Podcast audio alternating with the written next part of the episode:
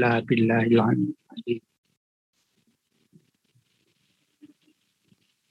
Berapa nih yang join nggak kawan ya? 14.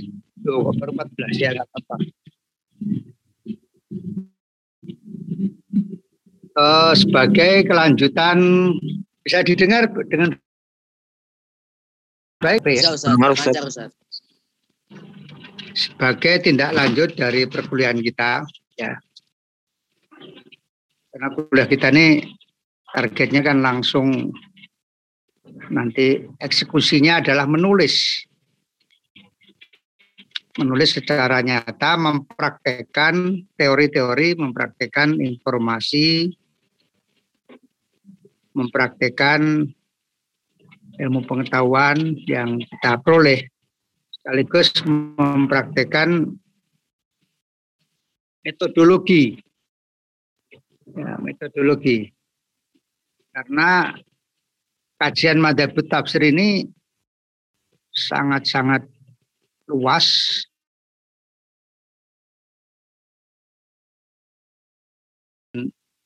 lama.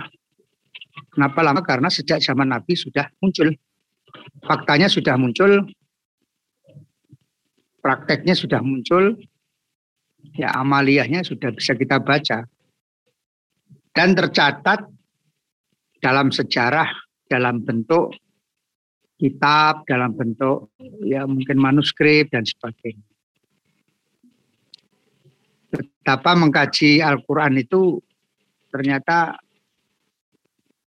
tidak membuat bosan, tidak membuat orang jenuh atau semakin surut ya karena kesannya kan mengulang-ulang. Tidak. Justru mengkaji Al-Quran itu efeknya adalah efek domino. Arti, artinya kita mempelajari satu aspek. Misalnya dalam sejarah saja. Uh, tafsir pada masa Islam klasik. Wah, masa klasik itu sudah menghasilkan karya yang banyak sekali. Bisa dibagi-bagi lagi ya. Setiap kitab bisa kita kaji. Setiap tokoh bisa kita kaji. Setiap generasi bisa kita bandingkan. Ya. Dari aspek mungkin linguistiknya, yang satu aspek metodologinya, yang satu karakteristiknya, yang satu dari aspek mungkin Israeliatnya, yang satu mungkin dari kualitas hadis yang dirujuk ya, mungkin ngambil metode yang diterapkan. Jadi luar biasa. Nah, inilah kehebatan kalam Allah. Semakin dikaji, semakin banyak hal yang belum kita ketahui, ya kan gitu. Ya Mas Fadil ya, semakin banyak kita geluti, semakin dia memunculkan sinar ya sinar pengetahuan yang semakin banyak. Bukan malah buntu atau malah habis atau mungkin malah tertutup tidak. Itulah hebatnya Ketika kita bicara masalah madaibu tafsir seperti yang kita kemarin kita sampaikan, yang pertama kali adalah sejarahnya, historisitasnya. Jangan sampai putus ini, jangan sampai meloncat. Maaf di masa lalu di PUTN itu meloncat semua. Belum mengerti sejarahnya tapi langsung bahas metodenya, bahas tokohnya, betul nggak? Kira-kira ya lima, lima tujuh tahun yang lalu lah. Nah ini nggak boleh terjadi lagi. Karena apa? Belajar tanpa mengerti sejarah itu sama dengan mengalami ya, anomali yang terjadi ada anomali bahkan ya kasarannya itu membabi buta aja asal ya abal-abal atau kata Pak Profesor Amin Abdullah itu eh, istilahnya Kayak uraan itu apa uraan?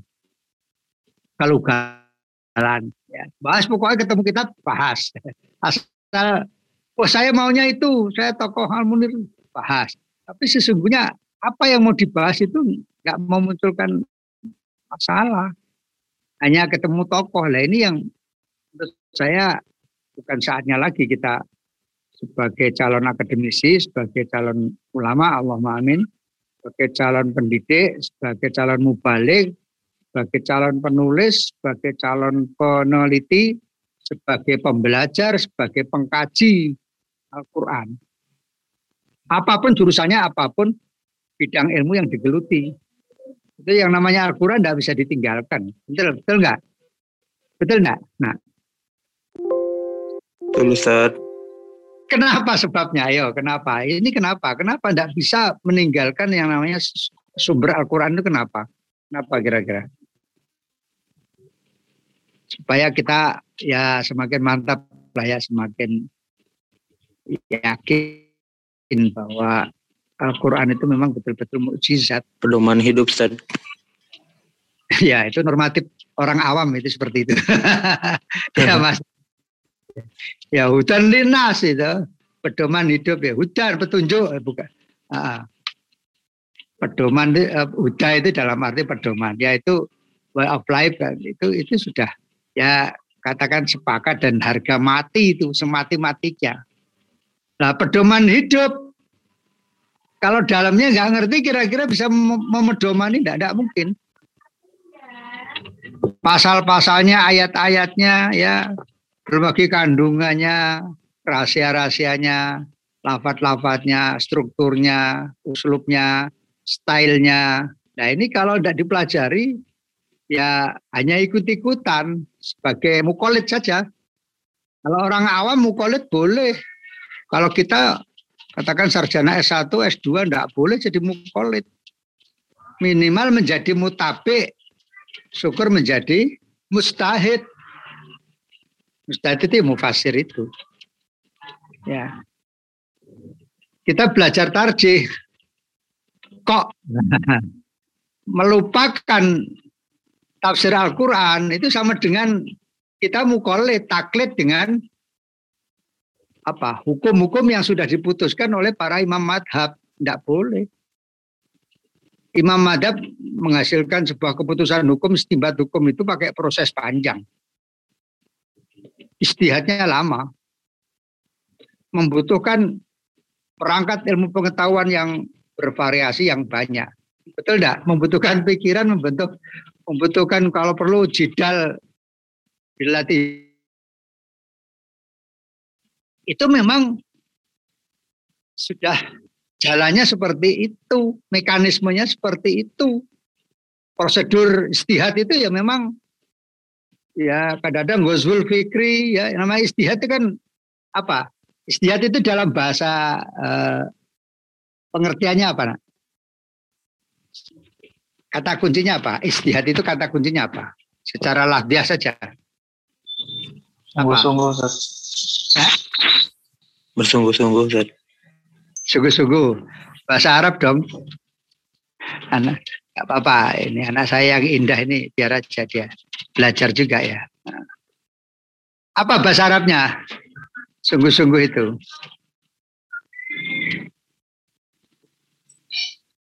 Lupa ini. Jahat, Ustaz.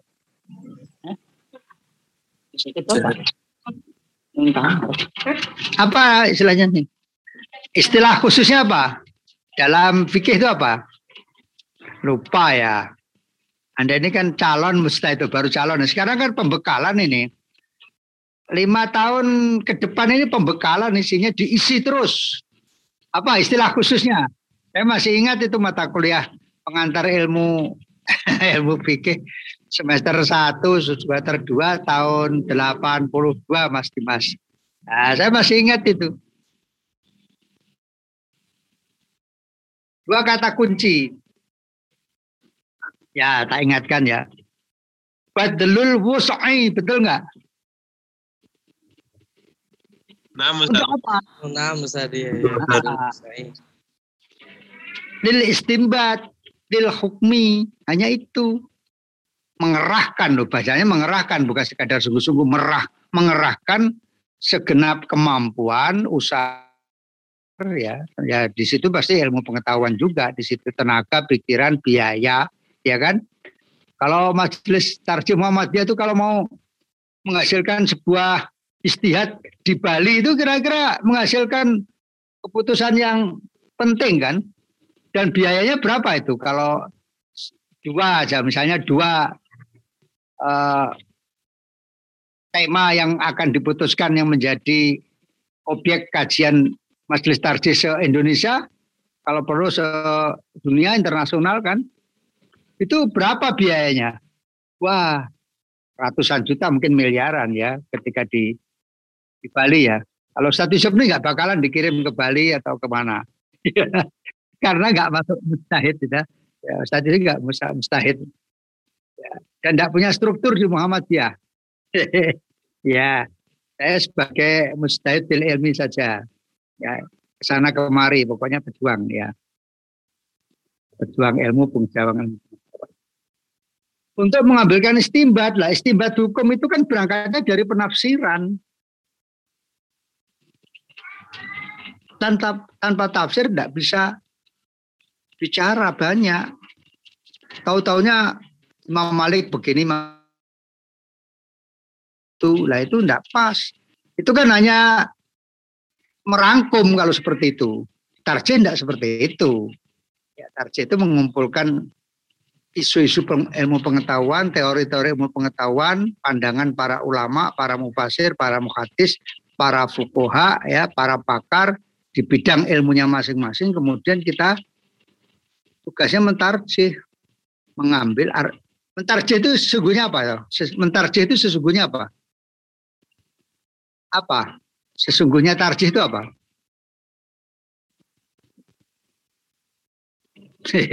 supaya nanti antum ini sudah nggak ragu lagi itu loh ya. Ini santai aja loh ya, tapi saya ingin memberikan bekal filosofi ilmu aja, filosofi tafsir, filosofi apa sesungguhnya tarjih itu? Hakikatnya lah.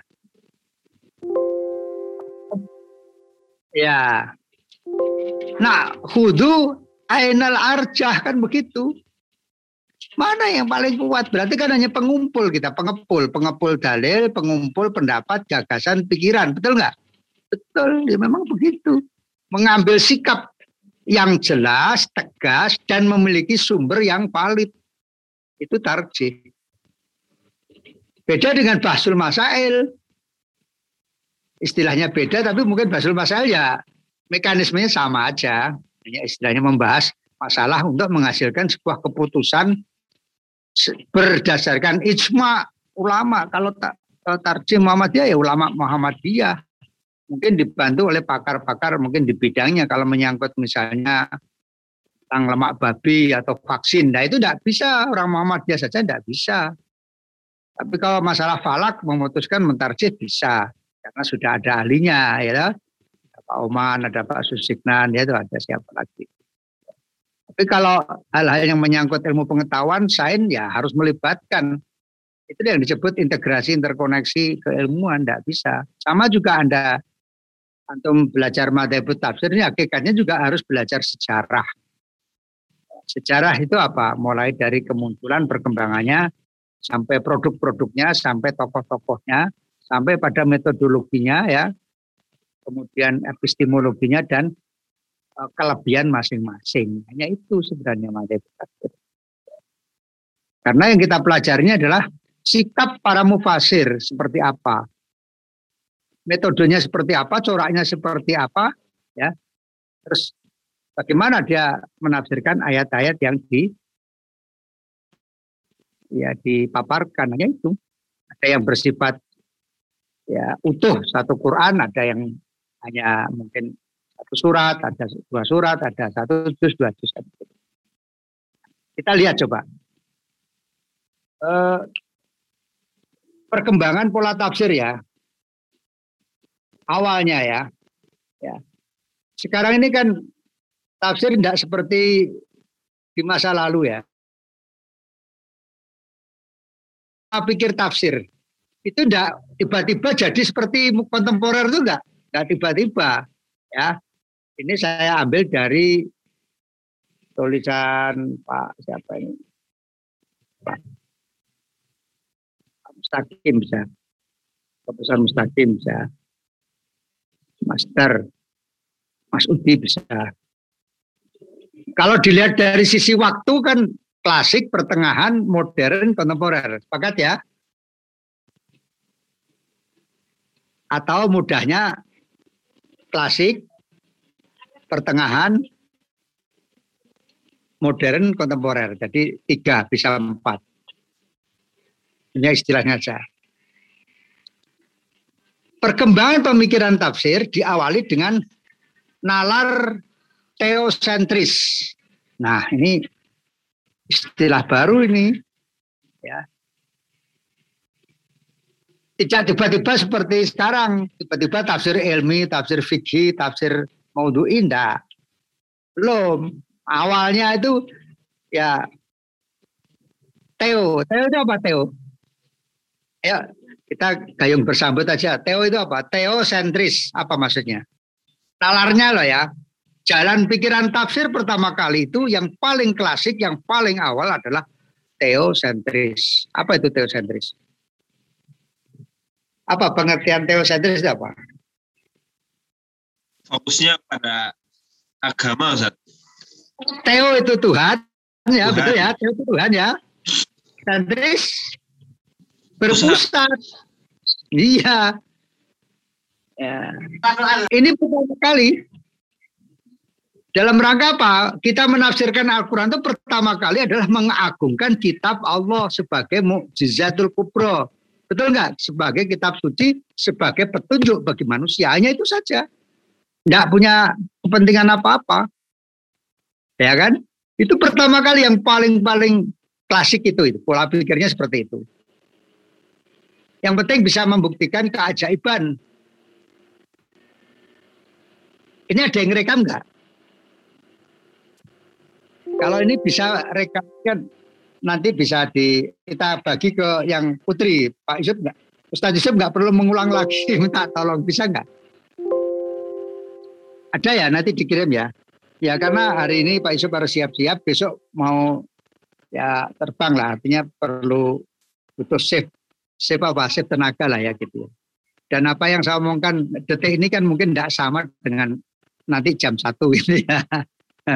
yang ngantuk sedikit kan ya Mas Nurfaiz ya kan bisa ngantuk itu udah konsentrasinya sudah agak berkurang gitu kan ya wajar manusia ya itu ya pertama kali harus tahu nah umpama itu menjadi judul itu menarik sekali.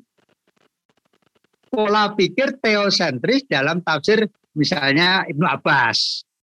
Ibnu Mas'ud Mukotil bin Sulaiman Al-Faro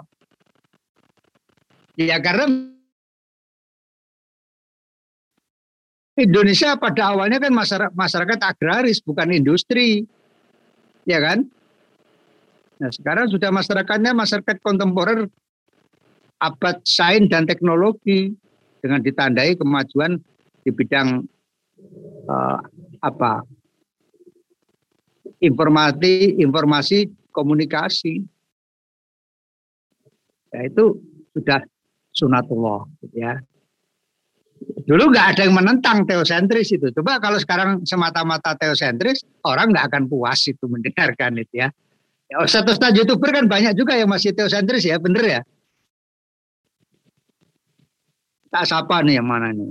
Yang aktif Mas Miftahul Khair, Mas Fadli, Mas Dian, Mas Rosan, Mas Wadil, Oke, Mas Wasan, Tanugrahan, Mas Rifan, Mas Rahman. Alhamdulillah Kemal, Mas Ardiansyah, Kemal saya, insya Allah ya ini aktif semua ya. Meskipun nggak ada gambar, saya khusnudon. Kalau tidak kan ya rugi sendiri gitu ya. Rugi sendiri. Ya. Ini kan ibadah. Meskipun nggak ada wajahnya. Karena saya bisa laptop, kalau laptop kan kelihatan semua ya. Tadi update ini. Kalau sekarang misalnya bicara COVID, contohnya saja tafsir tentang COVID, tentang musibah, tentang taun, itu hanya bicara teosentris kira-kira kita ditinggalkan atau diperhatikan orang?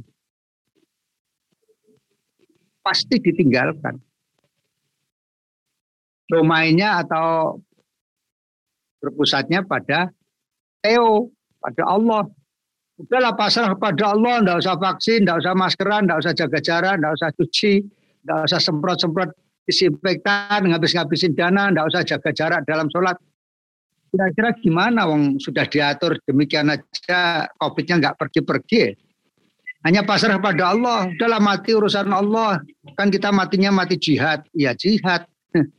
Tapi tetap ya prokes kan gitu. Kecuali kalau daring begini kan tidak prokes, ngirit ya.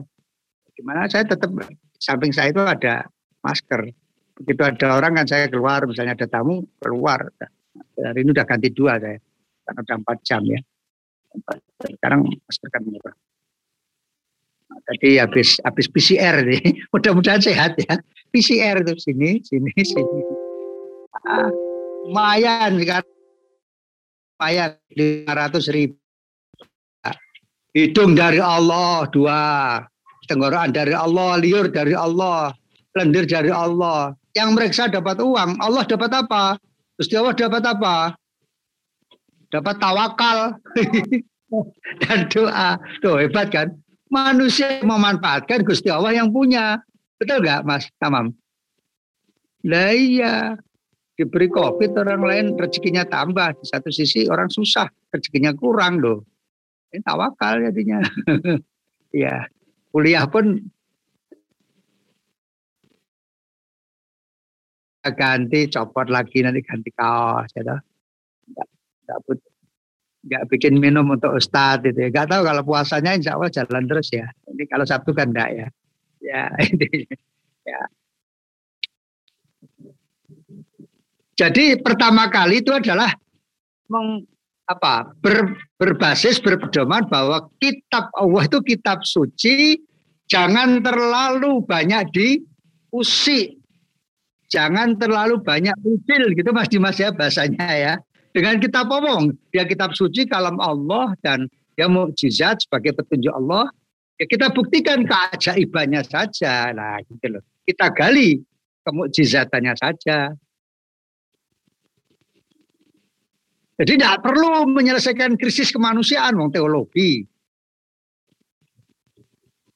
Ada masalah lingkungan, masalah kesehatan. Dulu zaman Nabi kan tidak pernah uh, Al-Quran mensikapi wabah gitu kan tidak ada.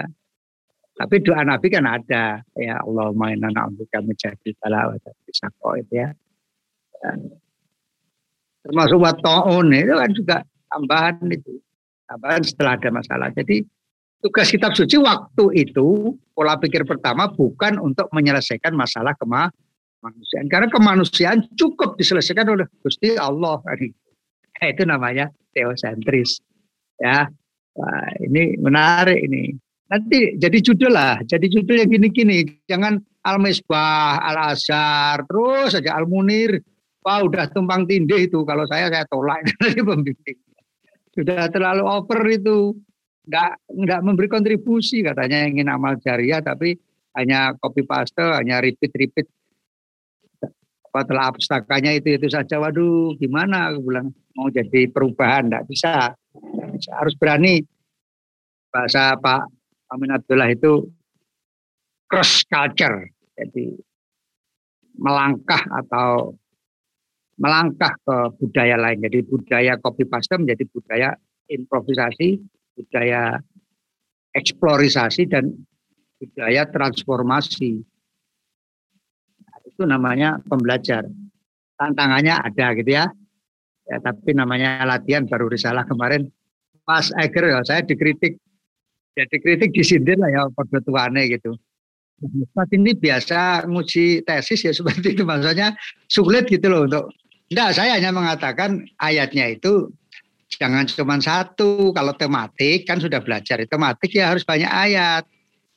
Dan alasan memilih memilih tokoh itu juga ada alasannya tidak sekedar mau menempelkan ketemu itu buku itu ditempelkan langsung dipasang oh itu ya akan sederhana sebenarnya dari situlah kemudian memunculkan metodologi memunculkan persamaan dan ya yang penting polanya benar Nah, pola kita ini kan akademik ya.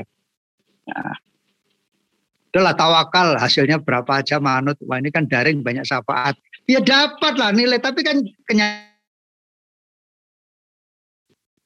Ustadznya yang ngejar-ngejar termasuk saya.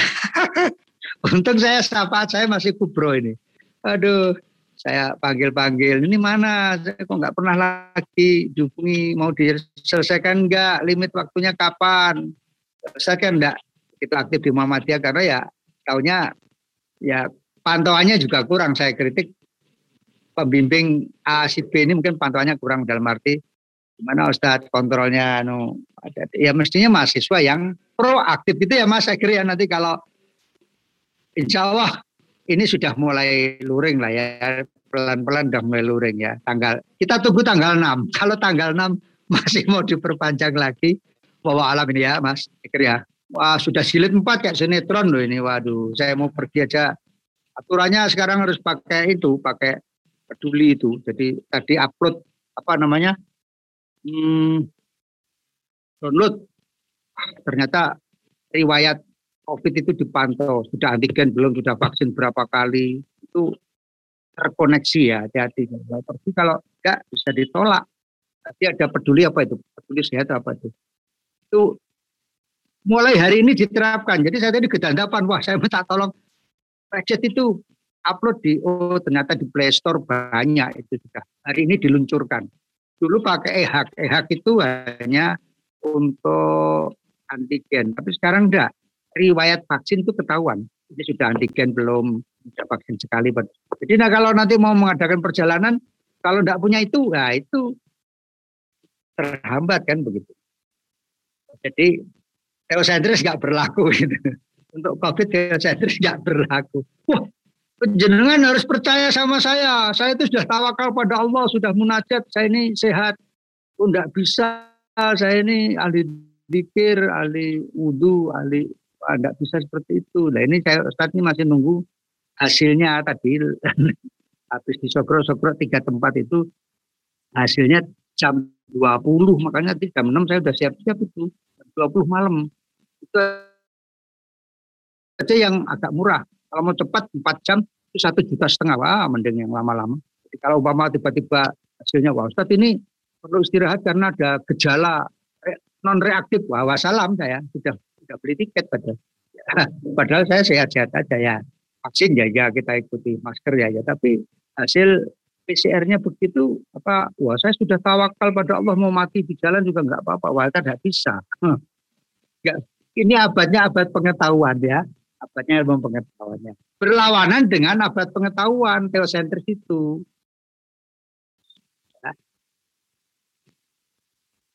Nah, jadi inilah yang disebut dengan pola pikir Irfani. Ya, yang diusung oleh Al-Jabiri kan ada Bayani, ada Burhani, ada Ir Irfani. Nah, al wakiah apa yang terjadi di belakang teks. Ya. Jadi Bayani aja enggak, ya Irfani. Kenapa disebut Irfani? Karena otoritas, apa itu? Otoritas, authority teks itu, kekuasaan, kewenangan teks itu demikian dominan, kuat. Mas Kamal harus tulis nanti judulnya otoritas otoritas teks pada masa awal Islam ya mengambil tafsirnya siapa? Lo gitu. Jadi agak keren gitu kan. Ya pakai oto-oto gitu ya. Jangan oto apa auto semprot atau otomatis ya. Sekarang serba auto kan. Itu jari kita ini kan tidak mikir. Ternyata bisa nulis bisa ada bisa ada bisa ada tanda tangan bisa mencuri bisa membuktikan. Betul nggak? Titik jari ini. Orang 7 miliar kok nggak ada yang sama mas, gini mas, masya Allah kan. Coba mutarnya ke mana, ke kiri atau ke kanan, dari atas atau ke bawah, tidak tahu masya Allah ini, ini kekuasaan Allah ini nggak ada bisa tiru ini, paling akurat titik jari. ya Allah ya Robbi, ya, HP Anda pakai titik jari saya pinjam biarpun saya bayar nggak bisa. Loh luar biasa. Karena itulah irfani kekuasaan itu pada Allah otoritas tek itu maksudnya kewenangan Allah itu mutlak. Itu ya mas ya? Peran manusia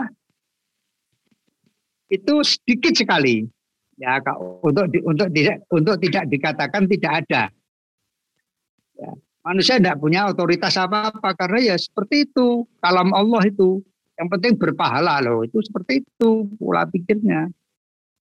Yang penting kamu jangan utek pokoknya bisa baca bisa menghafal insya Allah kamu masuk surga ya nanti dulu itu kan zaman teosentris untuk sekarang ya siapa yang paling rajin begitu. Ya, itu pertama ya, paham tuh ya. Ada pertanyaan sampai sini? Nah, mumpung belum melangkah. Ada ada tiga kok itu ya pola pikir tafsir di di dalam sejarah itu ada tiga. Ini menarik. Yang pertama tadi teosentris. Ada pertanyaan sampai sini?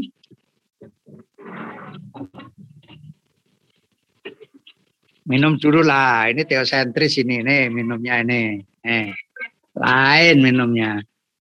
Ya, apa ini? Nah, jangan pagi-pagi cappuccino. Wah, minumnya sandwich. Waduh, nah, ini teosentris ini ciptaan Allah. Saya percaya teosentris ini lebih bermanfaat. Ya.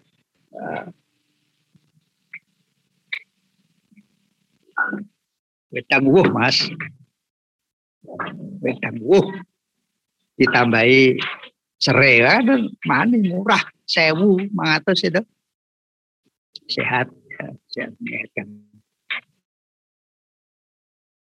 kotor diminum wah teosentris wah nanti kalau teman-temannya udah pasrah pada Allah saja teosentris itu itu masa lalu nanti malu sendiri yang sudah pernah berbeli Pak Yusuf alah hari gini HP-nya iPhone berapa itu iPhone terakhir apa? iPhone 10 atau 7 itu?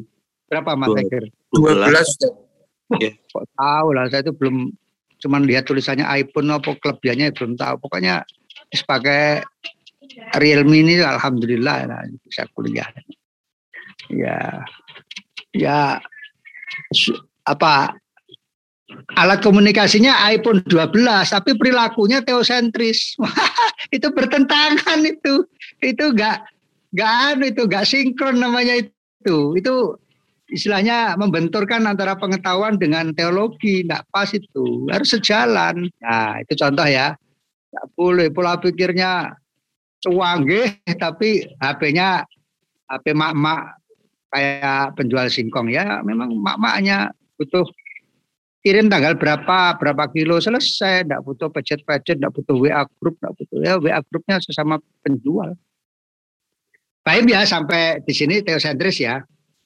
Pola pikir itu ada. Buktinya coba. Kitab tafsir yang di, disinyalir karya Ibnu Abbas, Al-Faro, ya. Kemudian Mukotil bin Sulaiman, ada saya punya punya semua itu. Nah, Ibnu Abbas ya coba saya, Ibnu Abbas. ini ada ini kebetulan ini. Ya, saya punya ini. Ya, waktu beli di di Mekah ya, ya, ya. murah ternyata buku-buku buku-buku teosentris itu di Mekah mesti murah. Buku teosentris. Tapi ke buku-buku pengetahuan yang aneh-aneh nggak boleh masuk. Yusuf Korodowi, Al-Jabiri, Asana Nabi nggak bakalan ada.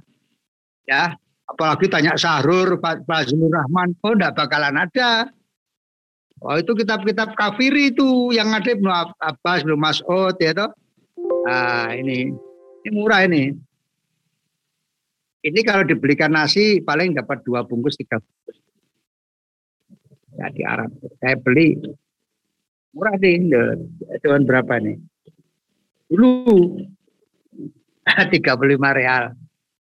35 real itu ya dulu ya udah 100 ribu lah ya lebih karena dulu masih 2000 ya. Ya. Ya nggak sampai 100 ribu. Murah ini tebel bukunya apa namanya? Asli kalau kita aslinya itu lain memang. Kitanya juga bagus dan hurufnya juga nggak pecah dan salahnya itu nggak ada. Kalau yang berut-berut yang akhir-akhir ini kan tambal-tambalan makanya murah itu mesti di dalamnya ada revisi-revisi. Saya pernah beli uh, makasih takwil. 600 tapi tahun berapa ya tahun 2000-an saya nggak murah wong alhamdulillah diberi karunia bisa beli gitu. rasanya bahagia sekali nggak usah mikir yang lain-lain Baik ya sampai teosentris ya. Ini bisa digali loh ya, dibandingkan misalnya pola pikir tafsir teosentris dibandingkan nanti dengan modernis atau ya yang kontemporer gitu bisa menarik itu. Ya. Nanti dosennya yang uji opo nah iki? Iki sopo sing ngajari ini aneh-aneh? Enggak aneh-aneh memang belum tahu ya. Dijelaskan aja. Nah, itu kalau menjelaskan berarti anda maaf kalau anda mampu menjelaskan secara apa nilai oh berarti anda ini memang mau belajar dan membuktikan bahwa anda ini tambah ilmunya. Tambah ilmunya. Dan maaf dosen itu wah ini bagus ini menarik ini ada sesuatu yang baru. Gitu. Nilainya nggak tanggung tanggung tapi kalau sudah copy paste itu itu saja. Waduh berapa ya nilainya ini? Syafaatnya terlalu besar. Ya udahlah asal lulus saja. Begitu. Jadi pola pikir pola pikir syafaat kan begitu. Nah, mahasiswa tawakalnya gitu. Sudah nggak apa-apa Ustaz, yang penting saya bisa lulus, bisa selesai, bisa melanjutkan ke AD Ya selesai. Masalah ya. Sampai sampai juga. Tapi kan tidak ada sesuatu yang membanggakan. Ilmu itu kan berkembang ya. Kalau bisa mengeksplorasi, menampilkan dengan gaya bahasa sing rodok ya bahasa saya itu rodok apa ya? Rodok berani sedikit, rodok kontemporer itu itu yang menarik. Kalau bahasanya ada seperti biasa-biasa kayak Quran kemenak itu sekarang siapa yang mau merujuk terjemah kitab uh, kemenak di masa lalu waduh Menarik sekali. Coba saya ambilkan.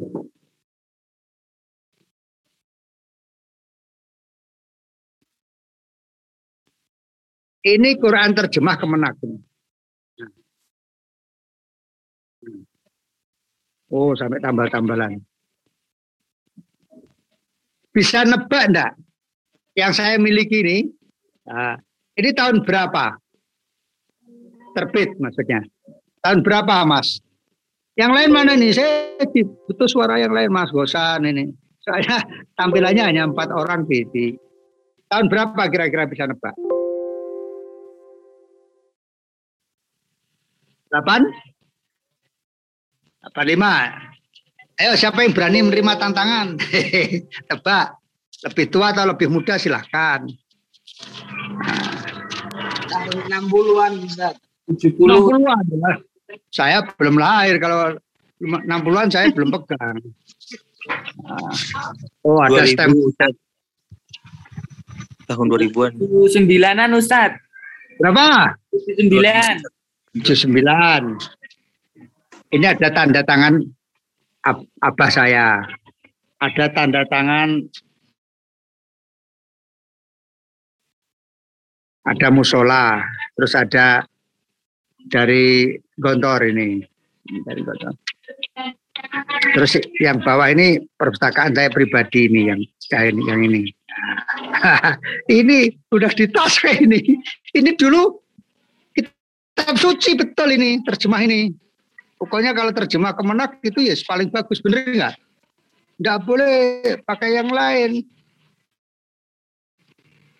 Nah, sekarang boleh pakai yang lain. Ini jawabannya.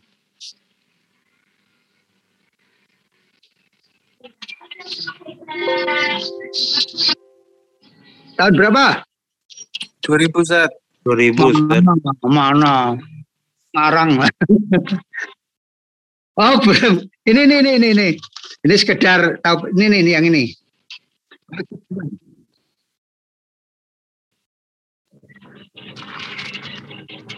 Itu Pelita kedua tahun 77 78. Apa Pelita? Anda nggak tahu nih zaman Orba kok. Pembangunan lima tahun, jadi lima tahunan menerbitkan ini lumayan Pak Arto dulu menaknya kan bagus-bagus dulu itu. Ya, itu yang nggak bagus. Ada saya Saibuddin Juri, ada siapa? Anda tahu kayaknya mungkin udah Pak Nar Sajali atau Mukti Ali ini zaman dulu Pak Saibuddin Juri ada Pak Hasim kan. Nah, karena ini saya mau ke pondok hanya diberi ini orang tua itu nggak diberi nggak diberi uang diberi ini. Karena masih baru kan. Karena Ustaz kan masuk Gontor dulu tahun 77, ini masih baru. Kemenak minta kantor satu dikasih saya. Sampai sekarang. Sampai sekarang. Nah, jadi ini, loh, sampai gini ini berjasa sekali. Nah, sekarang sudah mulai ditinggalkan karena ini tidak lebih dari banyak saduran dan terjemahan. Ya, dari kitab Al-Marogi karena yang menyusun yang menerjemahkan itu karena proyek yang menerjemahkan satu Quran itu kan juga bukan barang gampang ya biayanya mahal. Mayoritas orang Jogja, IAIN Jogja. Tuh. Orang UI nggak puas, bikin sendiri kan, boleh kan? Ya toh. Orang Muhammadiyah apalagi, wah saya nggak mau UI nggak taruh UIN, kali sendiri gitu ya, bikin. Akhirnya orang pun sudah nggak perlu bikin lagi karena sudah ada WI, sudah ada Kemenak, sudah ada Muhammadiyah. Nah, sehingga sudah. Dan mufasir-mufasir yang lain sudah bikin. Ada Hasbuah Bakri, ada Habib Yasin, ada Hasbi Asidiki, ya kan masing-masing punya. Ada bahasa Jawa, ada bahasa Sunda komplit ya. Ya yang yang kedua, nah ini sudah mulai Yang kedua nalar ideologis. Ya.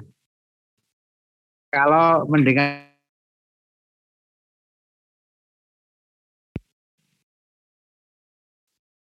kira-kira pemikiran Ustaz. Ide ya, dari kata-kata ide ya, pemikiran. Terus yang gagasan ya. Gagasan, pandangan gitu ya kan? Setuju ya? Nah, iya, ini sudah dimasuki lah, sudah dicampuri dengan ideologi, dengan gagasan, baik itu dari kekuasaan yang sedang berkuasa maupun dari para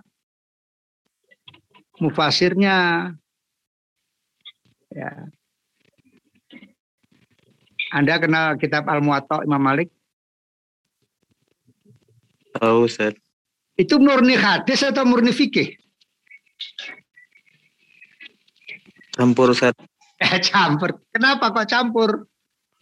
Uh, karena di dalam uh, di dalamnya juga selain ada membahas hadis juga ada membahas fikihnya juga, Ustaz. Ya, untuk kepentingan siapa? Ya, penguasa juga mungkin, Ustaz. Nah, itu bukti bahwa kitab itu juga mengakomodir atas permintaan penguasa. Sama juga maaf ini ada kitab Jokowi apa itu? Kitab SBY juga punya ya Pak Harto juga punya saya punya bukunya Pak Harto itu. Jokowi aja punya itu. Jadi untuk menunjukkan keberhasilan Pak Harto, Pak Karno ya kan, Pak SBY dan Pak Jokowi sama. Di situ ada ide-ide pembangunan, ide-ide keberhasilan masuk sesuai dengan dengan apa?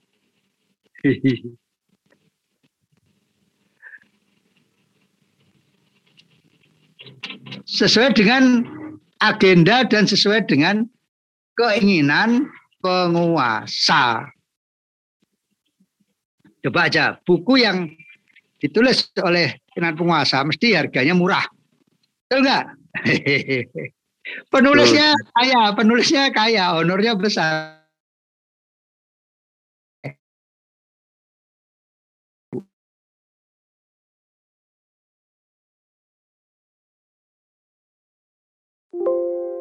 Yang anu itu loh,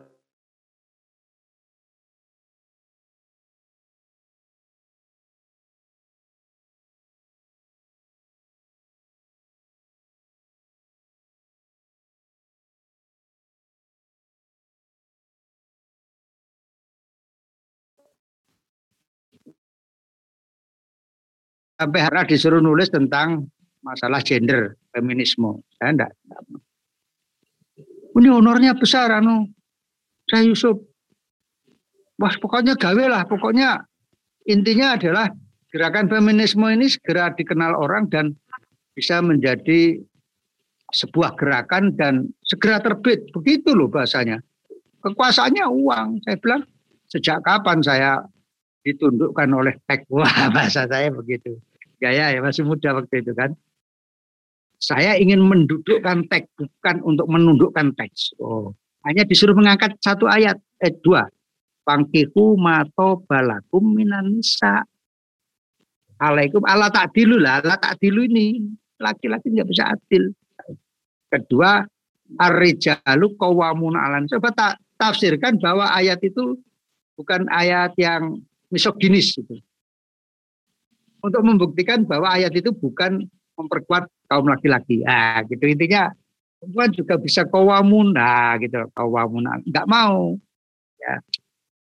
Eh, berada di second layer atau stick kedua nggak mau, nah, disuruh mengangkat. Hanya itu. Waduh, aku untuk duit tapi kok perasaan saya dikduk dan takutnya itu uangnya sudah habis perasaan saya tergoda terus nah, kan begitu. Karena pernah menundukkan teks sesuai dengan selera nafsu dan kekuasaan serta money atau uang. Itu ya tidak boleh. Ya jadi itu. Nah sekarang saya tanya dalam ideologi yang paling besar dalam sejarah Islam itu ideologi apa? Nah ini. Yang lain jawab belum? Ini bukan miliknya Mas Aidur Kamal ini sama Mas Nur Nafis nih. Boleh yang lain, Mas Isa juga boleh. Ideologi yang paling kentara pada masa awal Islam sampai hari ini, mungkin ya sampai hari ini, ideologi apa? Ideologi itu kan tidak tidak mesti ideologi komunis, tidak mesti Pancasila ya. Ideologi itu maksudnya ya kecenderungan pola pikir lah ya, ide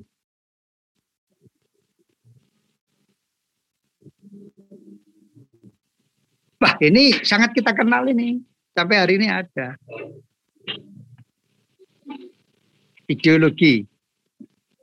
Gagasan-gagasan yang memperkokoh kelompoknya.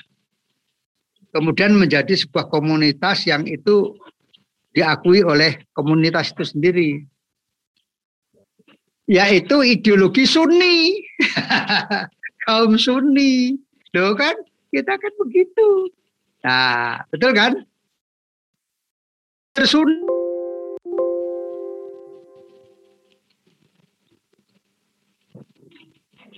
maka seluruh bangunan cara berpikirnya disesuaikan dengan pola pikir kaum su Sunni. Gitu loh. Artinya apa? Mereka yang membela kaum Sunni Sunni jadi ya seperti atau Bari kan orang Sunni, Imam Syafi'i kan kemudian Ibnu Abbas orang Sunni kan gitu. Ya kan? Kan mayoritas Sunni waktu itu kan. Nah, kemudian kelompok lain di luar Sunni nggak terima. Wah, saya nggak cocok ini. Ali nggak disebut-sebut ini.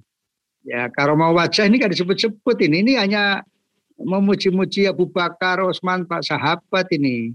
Ya, Ali enggak begitu diperhitungkan. Wah, kalau gitu saya harus membuat tafsir sendiri ya. Tafsir ideologi yang bercorak apa? Syi'i Ustaz. Syi'i. Lah, Syiah itu loh. Iya kan? Ya, Syi'i. Artinya apa? Mereka menolak, kemudian membuat tandingan, membuat bukan duplikasi. Bukan hanya bukan hanya Suni dan Sini lah ya, Sunni ya, Sunni dan Sini, tapi juga ada Khawarij lah ya, ada Mu'tazilah juga lah ya. Meskipun jumlahnya tidak banyak. Ya kan? Ada bisa nanti membandingkan misalnya isu-isu teologi di bidang misalnya surga dan neraka menurut madhab Sunni dan Syiah perspektif misalnya tafsir falsafi loh menarik sekali itu sangat menarik itu itu. Ya kan? Pandangan kaum Sunni dan Syi'i terhadap dosa besar wah menarik sekali karena isunya begitu. Tentang wahyu Al-Quran tentang surga dan neraka. Ya kan begitu? Tentang misalnya hadis-hadis tentang keutamaan sahabat. Nah, di situ nanti studi terhadap lah hadis-hadis tentang Imam Ali bin Abi Thalib menurut ya misalnya al ini dalam kitab hadisnya begitu. Kan menarik itu. Luar biasa, sangat luar biasa menarik. Itu yang kurang dipelajari oleh orang Sunni. Seolah-olah kalau orang belajar ideologi lain itu haram atau makruh atau tidak boleh itu tidak benar sebagai akademisi tidak bisa seperti itu tidak boleh membatasi diri. Keyakinan tetap sunni. Kajiannya tetap sih kan tidak apa-apa kajiannya loh ya. Bukan mengikuti tapi mengetahui.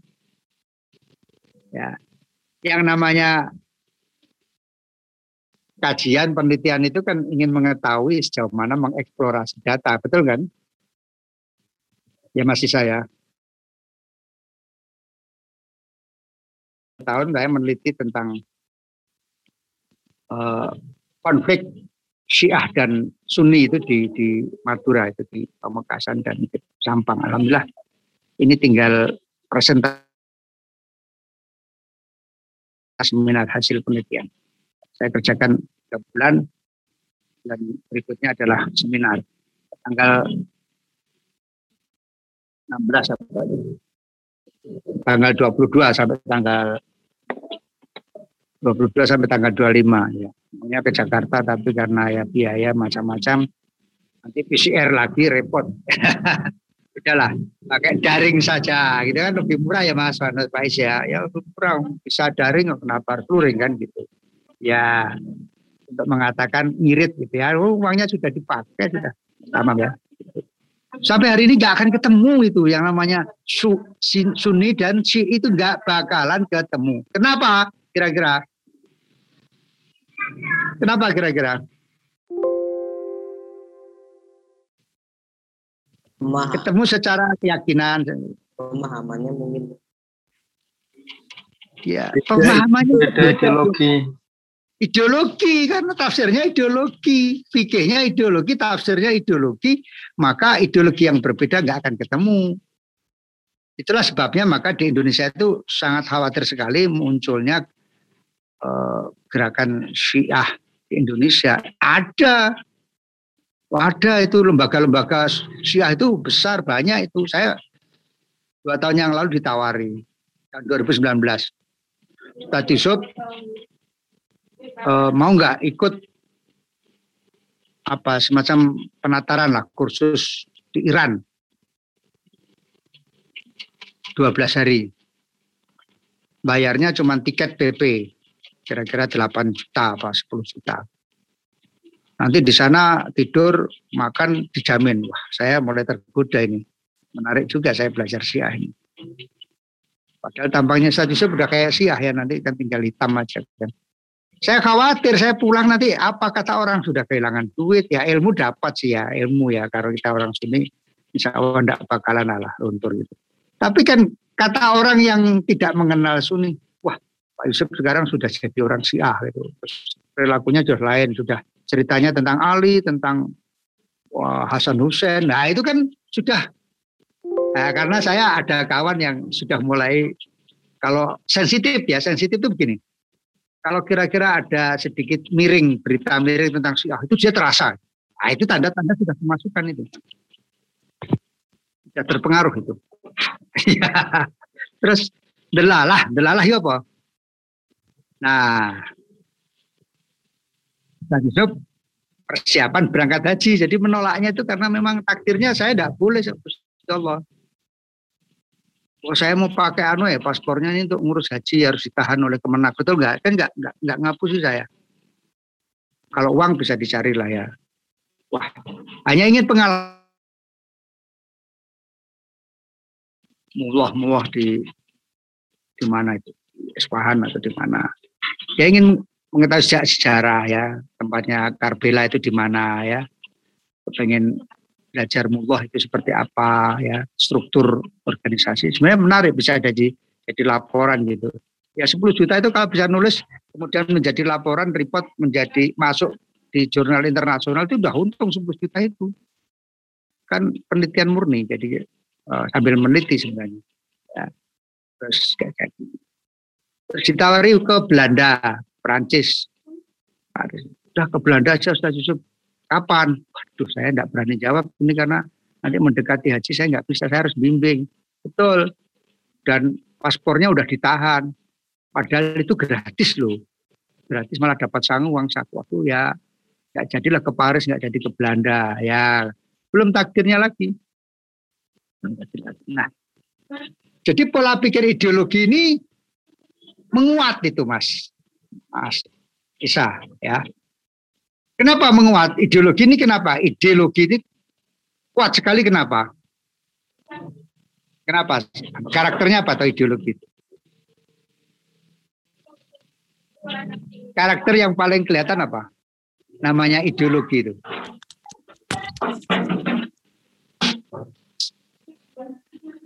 Doktrin jadi sudah kena indoktrinasi. Sudah kemasukan doktrin. Kalau orang sudah mencintai Ali,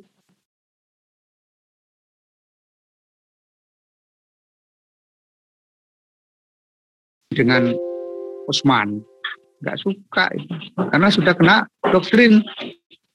Nah doktrin itu mempengaruhi cara pandang eh, pola pemikiran, pola penafsiran di dalam Al-Quran.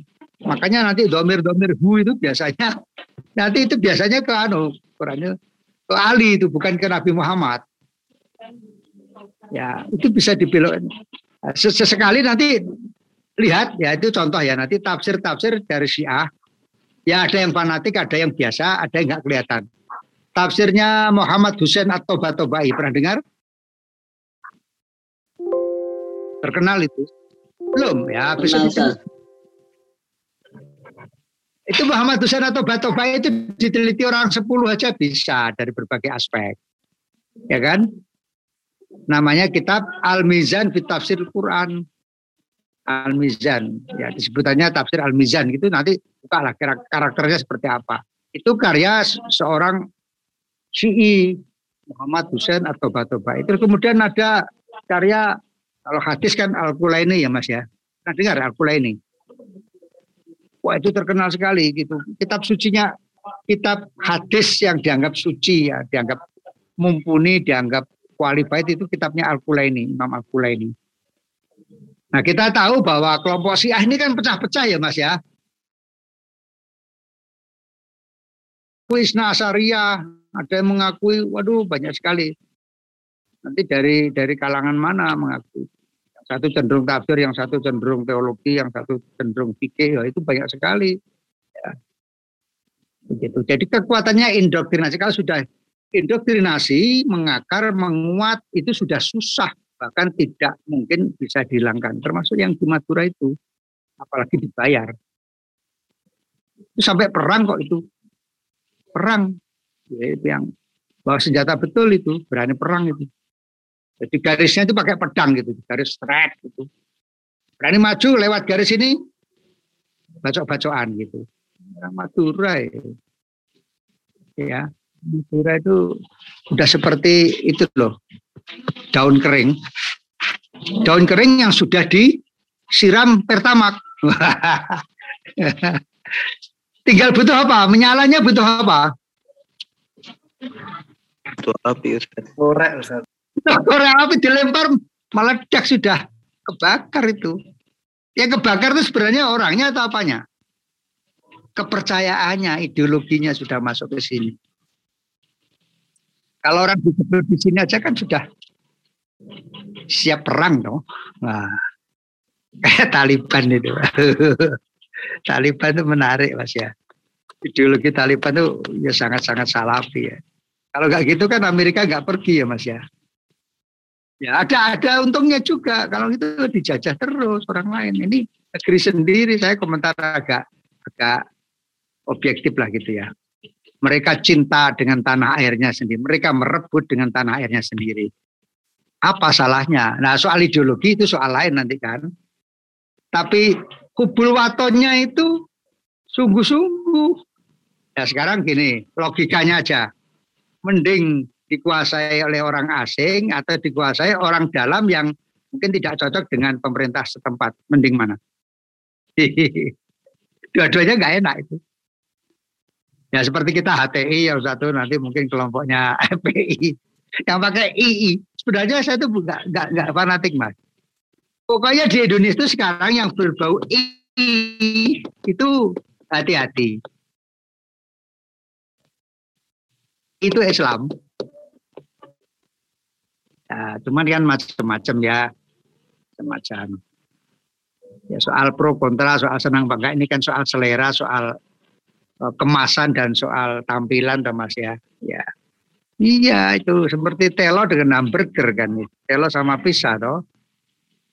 Ketika telo jadi keripik meriah itu seneng orang cepet bagi. Tapi kalau telonya dibuat hanya gedok terus ya jelek atau pekah.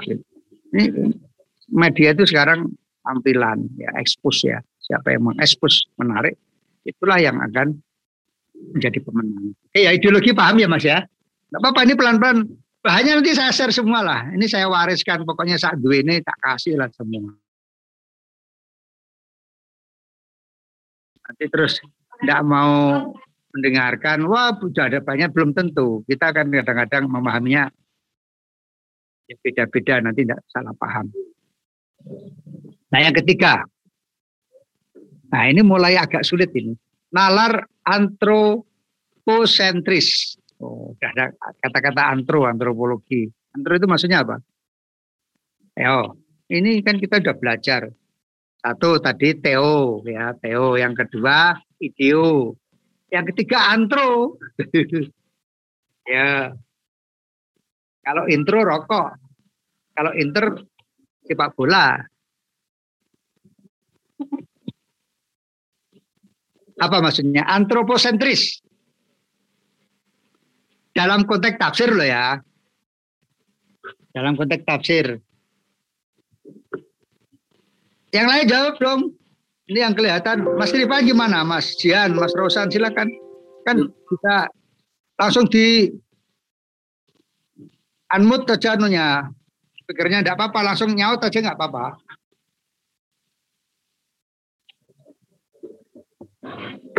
Apa kalau kira-kira penjelasannya gimana? Antroposentris eh, ini mancing-mancing supaya oh ya kata kuncinya antro apa itu kira-kira? Siapa yang mau mencoba untuk antro itu manusia Ustaz. Ya. Gimana? Dalam konteks tafsir gimana? Berarti objeknya itu man, eh, manusia Ustaz. Objeknya manusia ya, mirip-mirip lah.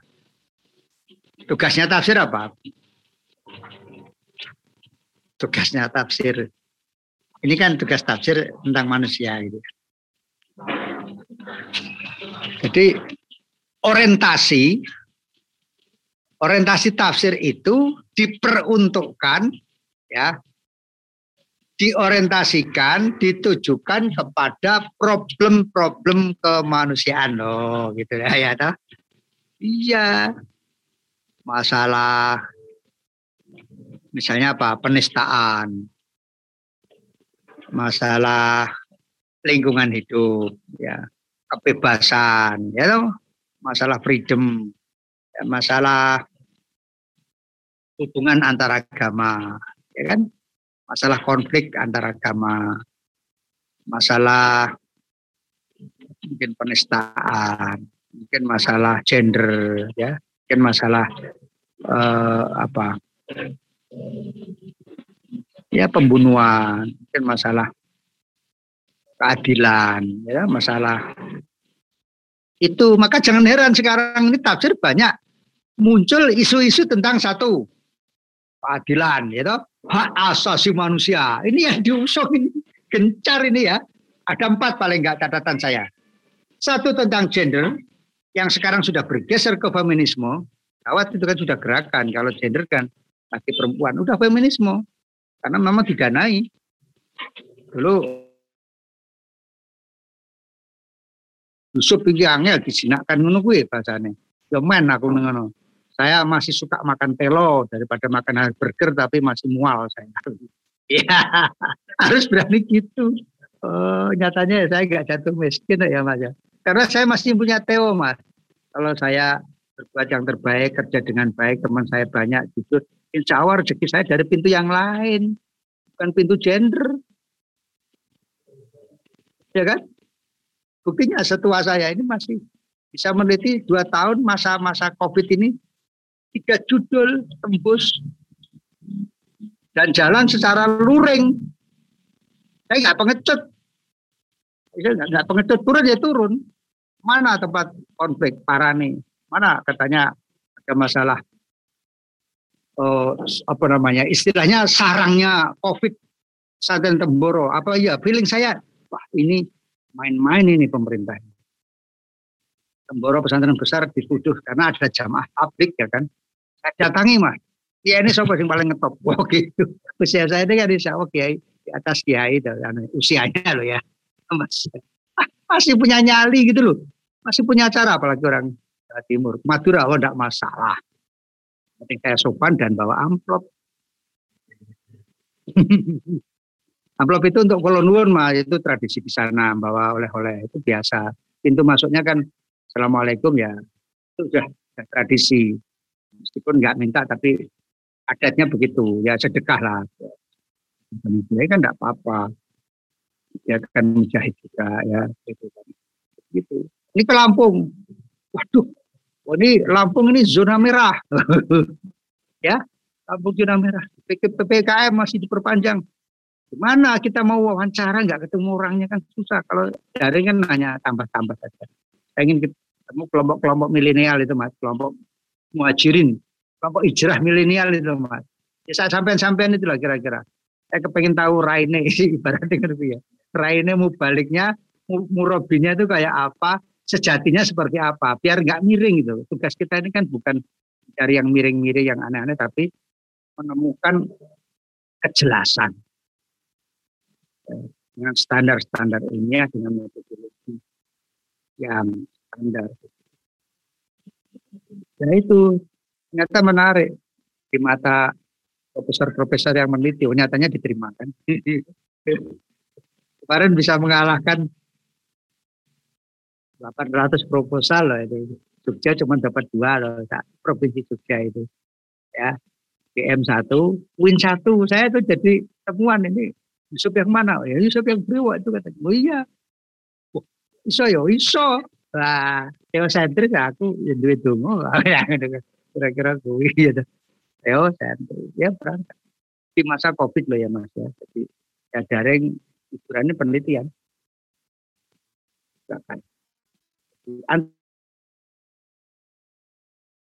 Bahwa taksiran ayat-ayat Al-Quran itu tidak semata-mata mampu ditafsirkan oleh seorang mufasir, tetapi juga ditujukan, diarahkan, diorientasikan kepada wilayah problem-problem kemanusiaan.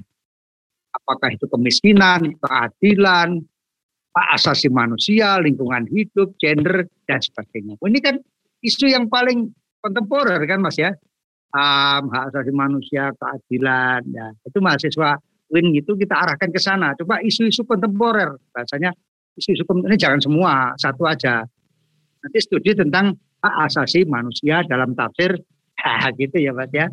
Dalam tafsir saya ya jangan atau baris semua lah ya berat ya. Atau sini kayak atau Jawat Magnia kayak atau tafsir Wadih, Zahar Wazda atau tafsir Al-Asr atau tafsir Aisyah Tafsir atau tafsir Qurtubi silakan. Gampang kan? Sudah tak kasih judul berapa tadi nih? Sudah banyak sekali. Pokoknya setiap item ada judulnya. Ya. Jadi isu-isu ham, isu-isu itu kan sudah berapa judul itu. Misalnya hak-hak anak, ya gimana ada yang hak anak dalam pendidikan, anak dalam ekonomi. Itu sudah menjadi ayat-ayat tentang perlindungan anak. Lu kan gitu sekarang. Zamannya perlindungan, perlindungan, wanita, kekerasan rumah dalam rumah tangga. Kan itu menjadi isu. Dan itu menarik. Yang laku begitu, Mas. Penelitian itu sekarang yang laku begitu. Nah, Pak Yusuf kan fenomenologi. Di isu-isu di masyarakat yang belum selesai dan menarik. Gitu. Ya maunya kan langsung ke Malang dan di, di Lombok. Tapi karena dananya di Penggal, dikurangi, ya satu lokasi aja cukup. Alhamdulillah. Kurang tenaga biaya. Kan saya ajukan sama Lombok sama Malang. Malang, Lombok dan Nah, masalah kebebasan ya, termasuk uh, anu termasuk kebebasan beragama, mas. Ya. Buktinya apa? Kemarin kasus Ahok ya, wah dengar kasus Ahok ya. Kata-kata wali aja bisa menafsirkan berapa tafsir itu. Heboh itu. Kenapa? Karena ideologis. Bukan ingin memecahkan persoalan kepemimpinan, tapi ada kepentingan kepemimpinan. Maka yang muncul adalah ideologis. Ideologi antara apa? Ya bahasanya kafiri dan islami. Oh, gitu loh mas. Makanya keras tanda-tanda tafsir ideologis itu pasti keras. Kalau doktrin kan enggak, silent saja. Teologi kepercayaan kok ya, belief kok. Kalau belief itu ya pasti ya silent gitu. Ya kan? Tapi kalau yang antroposentris, silent apa keras? Ya, pilih. Silent apa keras?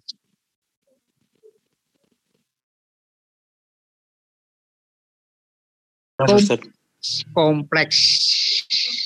Ya kompleks itu artinya tidak cukup dengan teologi saja tidak cukup dengan psikologi saja tidak cukup dengan pendekatan agama tidak cukup dengan pendekatan antropologi tidak cukup banyak pendekatan sosiologi tapi dia melibatkan seluruh komponen yang memang dibutuhkan ilmu. Itulah yang disebut integrasi interkoneksi keilmuan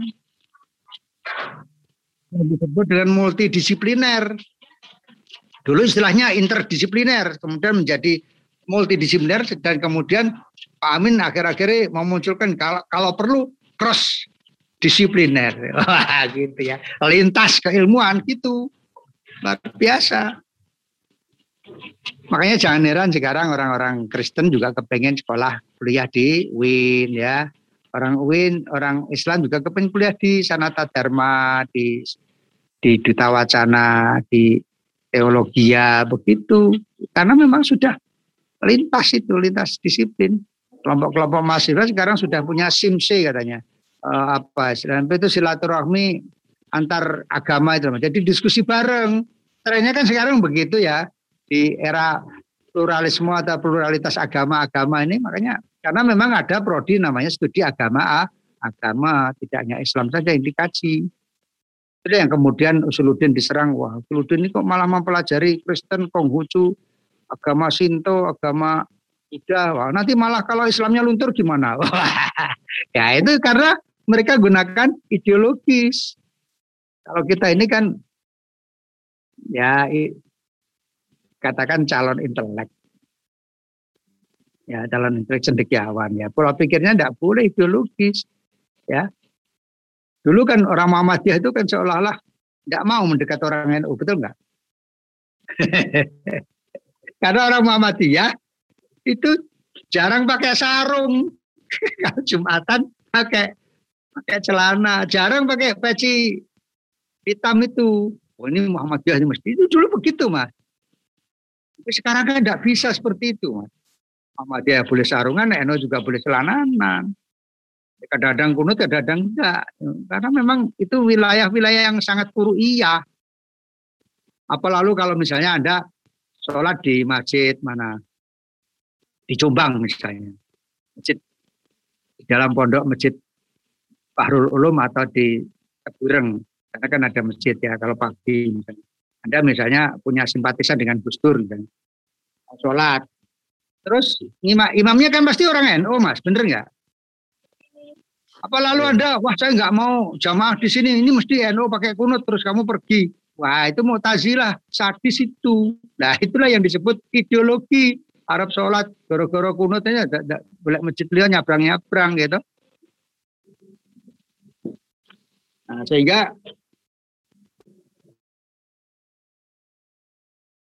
kiri ini ada apa couplingnya sendiri-sendiri. Ada wilayah sendiri-sendiri, kapan harus teologis, kapan harus antropologi.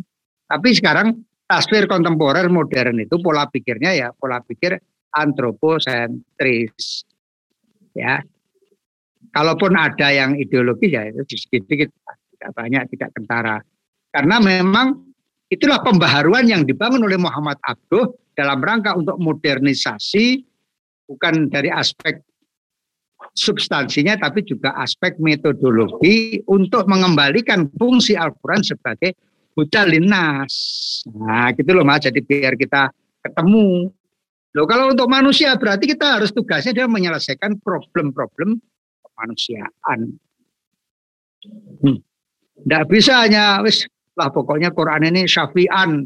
Nah, nanti menjadi penolong di yaumil akhirat kita baca.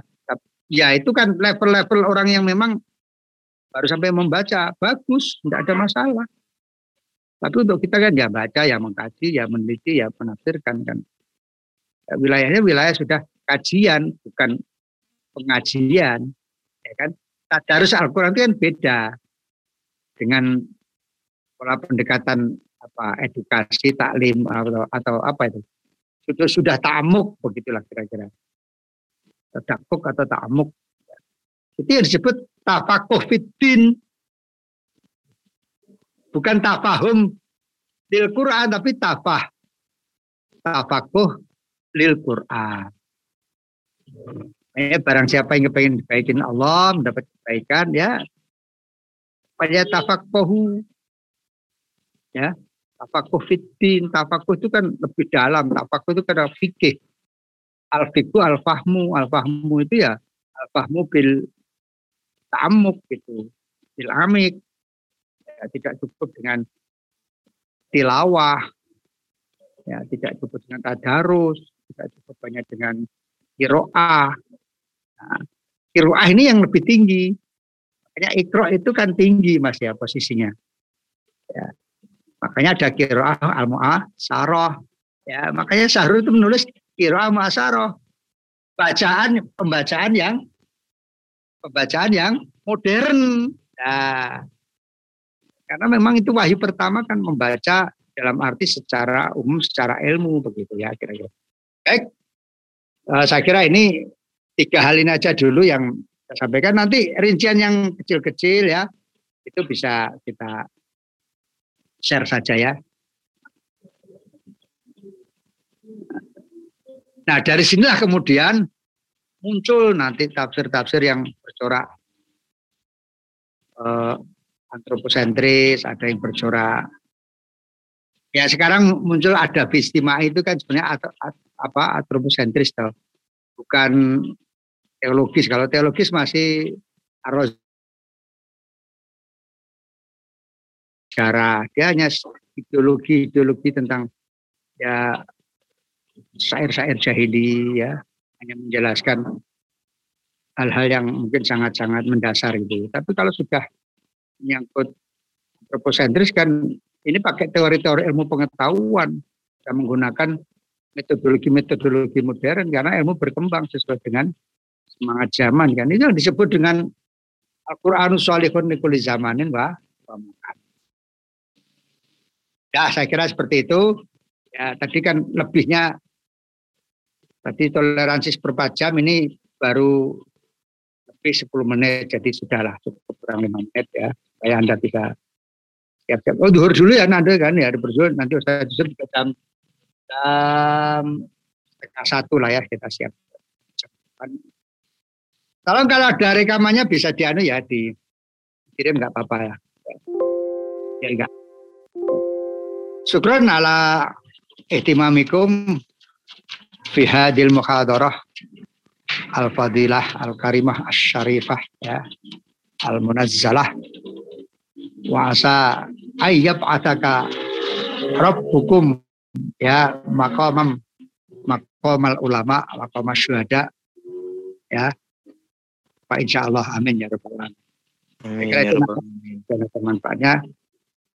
Tolong eh, apa mudabbirul pasal ya, ya liyufattishu man yatakhar man la yathul man la yatwasil ya, wala yasil wa man yat bidaring ya.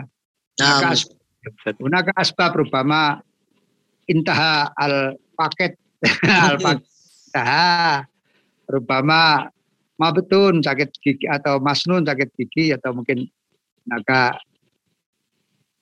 ada eh, muskilah ya mungkin muskilah atau al amal al muhimah al nah, ukhra ayo wakhiran wa aku dakwana Allahumma hadina siratal mustaqim siratal ladina an'amta alaihim ghairil maghdubi alaihim waladdallin. Amin. Amin. Assalamualaikum warahmatullahi wabarakatuh. Waalaikumsalam warahmatullahi wabarakatuh. Jazakallah khairan ya Ustaz.